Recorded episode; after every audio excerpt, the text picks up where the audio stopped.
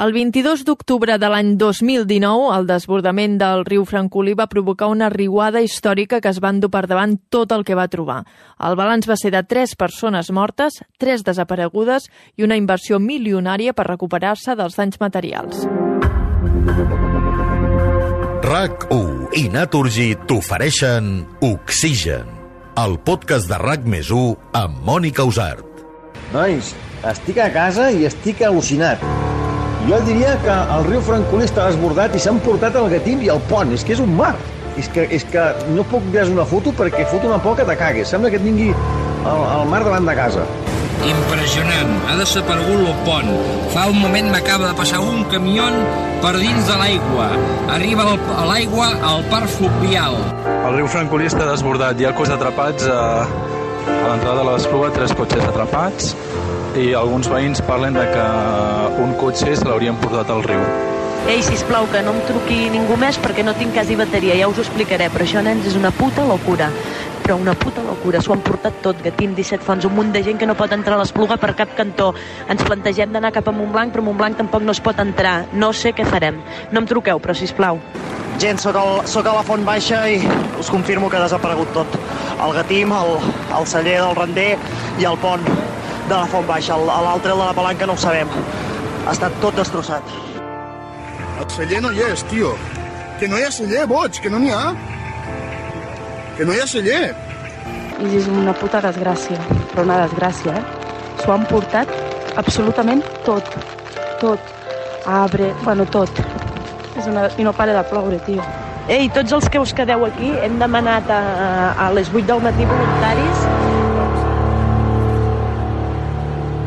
Aquest és el recull de testimonis basat en missatges de WhatsApp que va fer el Xavier Lozano Bosch, periodista i professor de la Universitat Rovira i Virgili, en el moment en què el riu Francolí es va desbordar de manera descontrolada. Però això estava previst? Els veïns de la zona s'ho podien esperar? Era una tragèdia evitable? La llera del riu estava bruta? Avui ho intentarem explicar. En aquest episodi, el desbordament del Francolí. Aquell dia el temps va passar per davant de qualsevol altra informació. Penseu que dins d'un informatiu d'un dia convencional la previsió meteorològica acostuma a anar al final, després dels esports. Però quan hi ha previsions que surten fora de la normalitat com nevades en llocs poc habituals, ventades fortes o aiguats, aleshores aquell dia la informació l'encapçala la previsió del temps. A vegades tan sols es queden avisos, altres cops cal anar fent un seguiment i en casos extrems s'arriben a fer programes especials. Precisament va ser el cas del desbordament del riu Francolí. juli.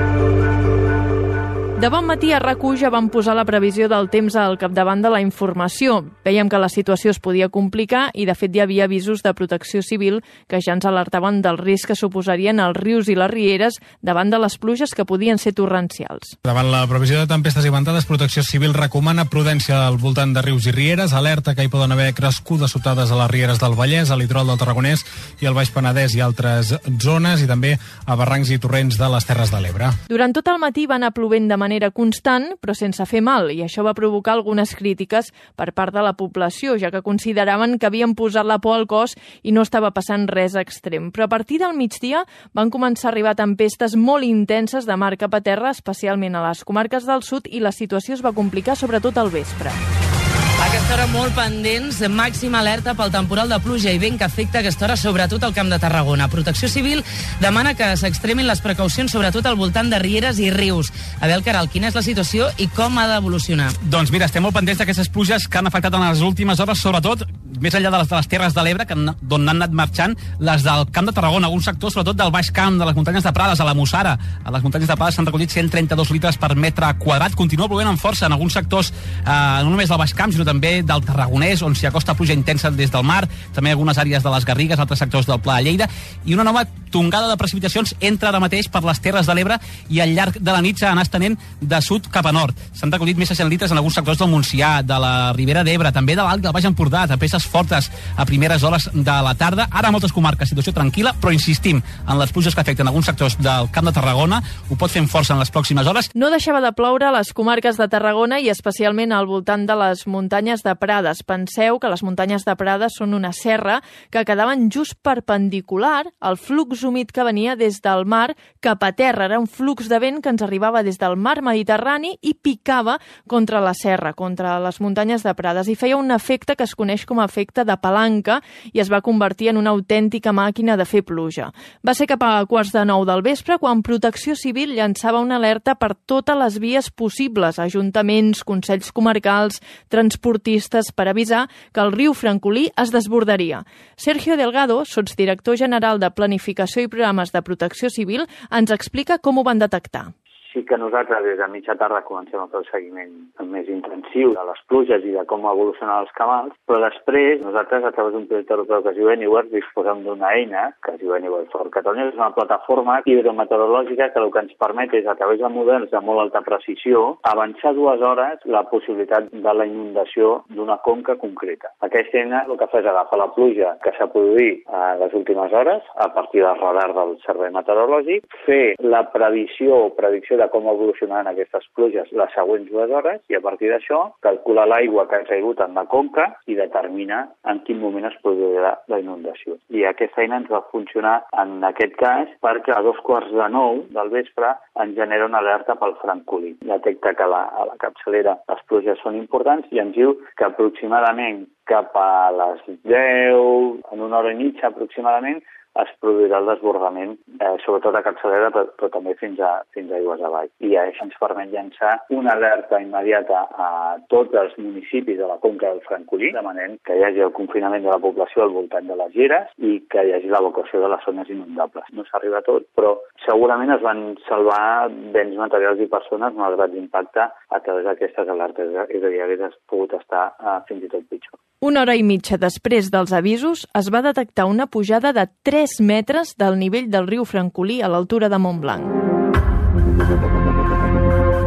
Mentre tots plegats seguíem l'evolució de les pluges des de casa o la feina, mirant el radar o uns registres de pluja que pujaven sense parar, l'Eduard Marimón, fundador de la xarxa d'estacions meteorològiques de Meteo Prades, ho seguia des d'allà amb tensió quan vaig començar a veure que la cosa era algo important, és que miraves les imatges de radar i veies que la precipitació estava pràcticament estàtica durant molt de temps al mateix lloc. Quan això passa, malament. Vull dir, I a més se veia molt delimitada eh, tota la zona aquesta que agafava just la capçalera del Francolí i tal. I a més, durant el matí havia plogut, més o menys, bastant bé, però no sense grans coses grosses, i havia anat posant tot el terreny, diguem-ne, ben humit. I llavors, quan va vindre la, la precipitació forta, o va agafar ja tot humit el terreny i tot el que queia tirava avall. I a més, van mirar i van veure eh, intensitats de 50 litres en 30 minuts, que això és torrencial, però és que a més miraves la següent mitja hora i en queien 30 més, i després 40 més, i dius, ostres, això eh, serà, serà gros, perquè ho veies. I me va trucar el company de Montblanc i em va dir,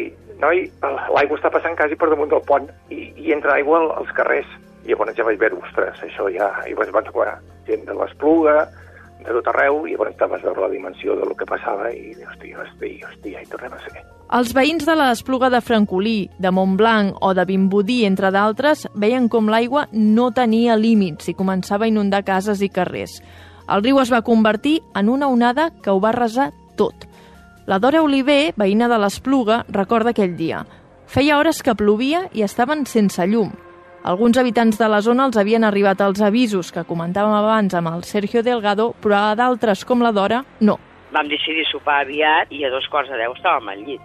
Jo tinc un vídeo gravat ensenyant-li al, al meu home dient-li, mira, nen, com plou. Llavors ens vam posar al llit. Però se sentia molt soroll, molta remor, i de cop i volta vam començar a sentir cops, però cops molt forts. Llavors al final t'aixeques del llit, no? I dius, què està passant, no? I mires per la finestra i entre llampec i llampec vas veient que l'aigua arriba quasi arrans del segon pis. Dius, com pot ser això? Va ser tot molt ràpid.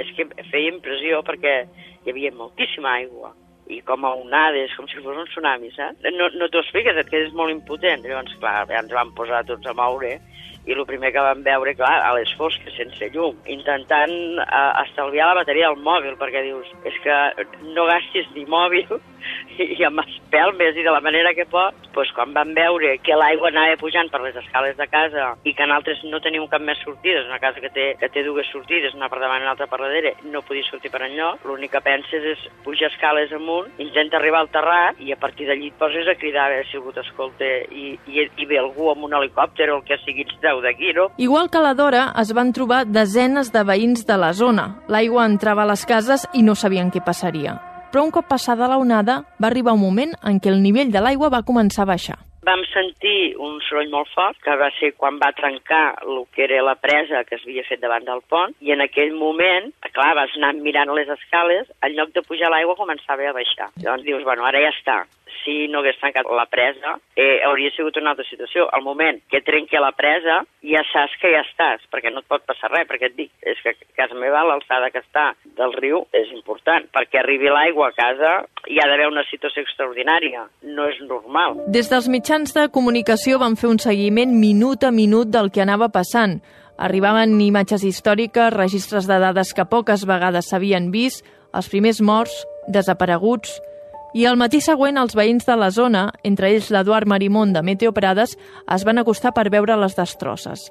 Les estacions meteorològiques estaven situades per tota la conca del Francolí i ell va fer una roda de reconeixement per la zona i això és el que va trobar em vaig fer tot el riu de, de dalt a baix, des de la riba fins dalt de tot, fins a la capçalera, fins al barranc de, del Viern, del riu Milans, tot això. I que hi passo molt sovint per allí. I llavors, quan ho vaig veure tot allò, realment em vaig quedar...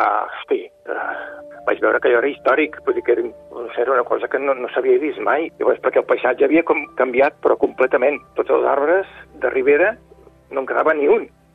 I, en canvi, entre Vimbodí i Vallclara sempre n'hi havia molts i no quedava res i hi havia ponts enfonsats, i el celler de l'Espluga, el celler de l'Espluga no hi era, i, i hosti, quedaves que dic, hosti, què, què ha passat aquí? I, I el riu normalment fa una amplada d'un metre o dos, i veies que havia llocs havia arribat a quasi 100 metres d'amplada. Vull dir, és que era impressionant, fins i tot ara, quan ho explico, és que veus que, que, que, que allò era una cosa que no havia passat mai. I per jo m'anava aturant amb gent a parlar, i quan te veies la gent, doncs, te trobaves i, i, i miraves els ulls i no podies dir gaire cosa, perquè temes deies, uf, deies, quin desastre, movies el cap, com negant el que havia passat, no? Perquè te senties, realment te senties petit eh, i, i desbordat i, i completament sobrepassat pel que veies, no? I, i estaves com en, en estat d'això. Des de rac l'Esteve Giral, corresponsal de Tarragona, i l'Anna Ballonesta, periodista de la casa, es van desplaçar fins allà i es van convertir en els ulls de la tragèdia. L'Esteve ja portava hores pendent de la situació i així és com va viure l'arribada a la zona zero. De l'arribada del Francolí, diversos moments i diverses imatges em venen al cap. La, la primera és aquella nit eh, matinada, eh, pendents eh, de la gran quantitat d'aigua que estava caient. Clar, eh, molta aigua a les capçaleres del riu, sabíem que podia donar problemes a rius com el Francolí, però clar, ni de bon tros podíem imaginar o esperar eh, aquella devastació, aquell riu col·lapsat. No? Eh, passem a la matinada, ja sabem els primers grans estralls que ha provocat el, el desbordament del riu Francolí. A la foscor de la nit i de la matinada, eh, traslladar-me a, als punts de la Conca del Barberà on sabíem que havia fet més mal, com pugui ser el cas de l'Espluga de Francolí. A la foscor encara doncs, està molt pendents de l'abast de la tragèdia, desaparició de persones, i a mesura que es anava fent, fent de dia, eh, doncs, observar com un riu sortit de mare havia fet tant i tant de mal, no? Sobretot un riu convertit en fang i convertit en, en una gran quantitat de troncs, d'arbres, de brutícia, provocant els taps a diversos punts del, del riu Francolí i com això, a mesura que anaves passant els diferents pobles i, i municipis, doncs suposava gran acumulació de fang, gran acumulació d'aigua, de, destrosses, eh, carrers, places inundades, inundats, eh, baixos de cases inundats. Eh, recordo molt la imatge de molts veïns traient molta aigua, traient molt de fang, traient molta, molta brutícia i una comarca, en aquest cas, la, la, la, sobretot la de la Conca de Barberà, doncs en bloc per intentar fer front a la, a la tragèdia. Doncs jo, a diferència de l'Esteve, no, no estava pendent d'aquests aiguats perquè en principi doncs, a mi no, no em tocava anar-hi, però veient doncs, la gravetat de la situació, un company de la ràdio, el Xavi Sierra, em va despertar cap a tres quarts de quatre de la matinada i va dir que, si plau si podia agafar el cotxe, que era la persona més o menys que estava més a prop i que si podia anar cap a l'Espluga de Francolí. Em vaig vestir rapidíssim, vaig agafar el cotxe, vaig anar cap allà, Clar, quan vaig anar arribant ja vaig veure que la situació es complicava perquè no hi havia llum i hi va haver un punt que em vaig trobar unes tanques de, que deien que no es podia continuar circulant per aquella carretera. Aleshores vaig aparcar el cotxe en un voral i vaig començar a caminar. Mm, vaig cometre l'error de no agafar cap llanterna, per tant només anava amb la llanterna del mòbil i de cop em vaig trobar un pont sense branes, perquè l'aigua se l'havia endut, amb un cotxe com mig destrossat al mig del pont i, és clar i sentint molt soroll d'aigua. No sabia si era segur o no passar per aquell pont. Vaig passar doncs, amb una mica de por, la veritat. A l'altra banda, vaig eh, trobar-me dos o tres veïns del poble doncs, que estaven veient una mica què és el que havia passat. Allà ja vaig començar a notar que la situació era molt greu. Hi havia, recordo, olles del restaurant, unes olles gegants eh, a una rotonda que estava a 200 metres més avall del poble. Eh, hi havia arbres, hi havia cotxes destrossats, contenidors... L'escenari era una mica catastròfic. Aleshores, un veí em va acompanyar fins on hi havia el celler Mas Rendé i ell em va acompanyar doncs, tot el camí fins que em va dir, doncs mira, era aquí, no? I, i realment quan, vas arribar, quan vaig arribar allà eh, no hi havia absolutament res, no? Que era una, una imatge que sí que, que ja ens havien anat dient doncs, que havia passat això, però esclar, fins que no arribes allà i ho veus en persona, doncs no t'imagines fins a quin punt la força de l'aigua s'ha pogut endur un edifici tan i tan gran com era aquell. Oxigen.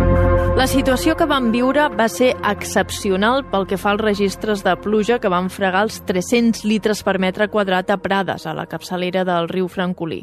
A Catalunya es va produir la tempesta perfecta, una situació típica d'aiguats. Una bossa d'aire fred que teníem en altura, a les capes més altes de l'atmosfera, es va combinar amb una aportació d'un aire més càlid i humit que venia des del mar Mediterrani, anava bufant de mar cap a terra i ens aportava aquesta humitat. I a més a més, en superfície també teníem una depressió i això el que fa és afavorir aquests corrents que ajuden a que es formin núvols i també pluja i ens enviava aquest típic típic vent de llevant que normalment ja relacionem amb aquestes pluges. Per tant, la situació era favorable perquè es produís una situació així. Però tot i això, al matí següent ja van arribar les primeres crítiques. Era evitable el que va passar? Va ser tot culpa de la pluja que va caure? O també hi havia un mal manteniment de la llera del riu? La Mariona Rendé, propietària del celler que es va endur completament la riuada, així ho explicava al món RQ poques hores després de perdre-ho tot. Mariona, bon dia i moltes gràcies. Hola, bon dia. Com està? Malament, molt malament. Bueno, una desgràcia molt grossa. Una desgràcia. Vostè és la propietària d'aquest celler que feia 25 anys, que fa 25 anys aquest any, eh? L'any que ve, sí. 25 anys. Què ha passat exactament? S'ha desbordat el riu, s'ha desbordat el riu.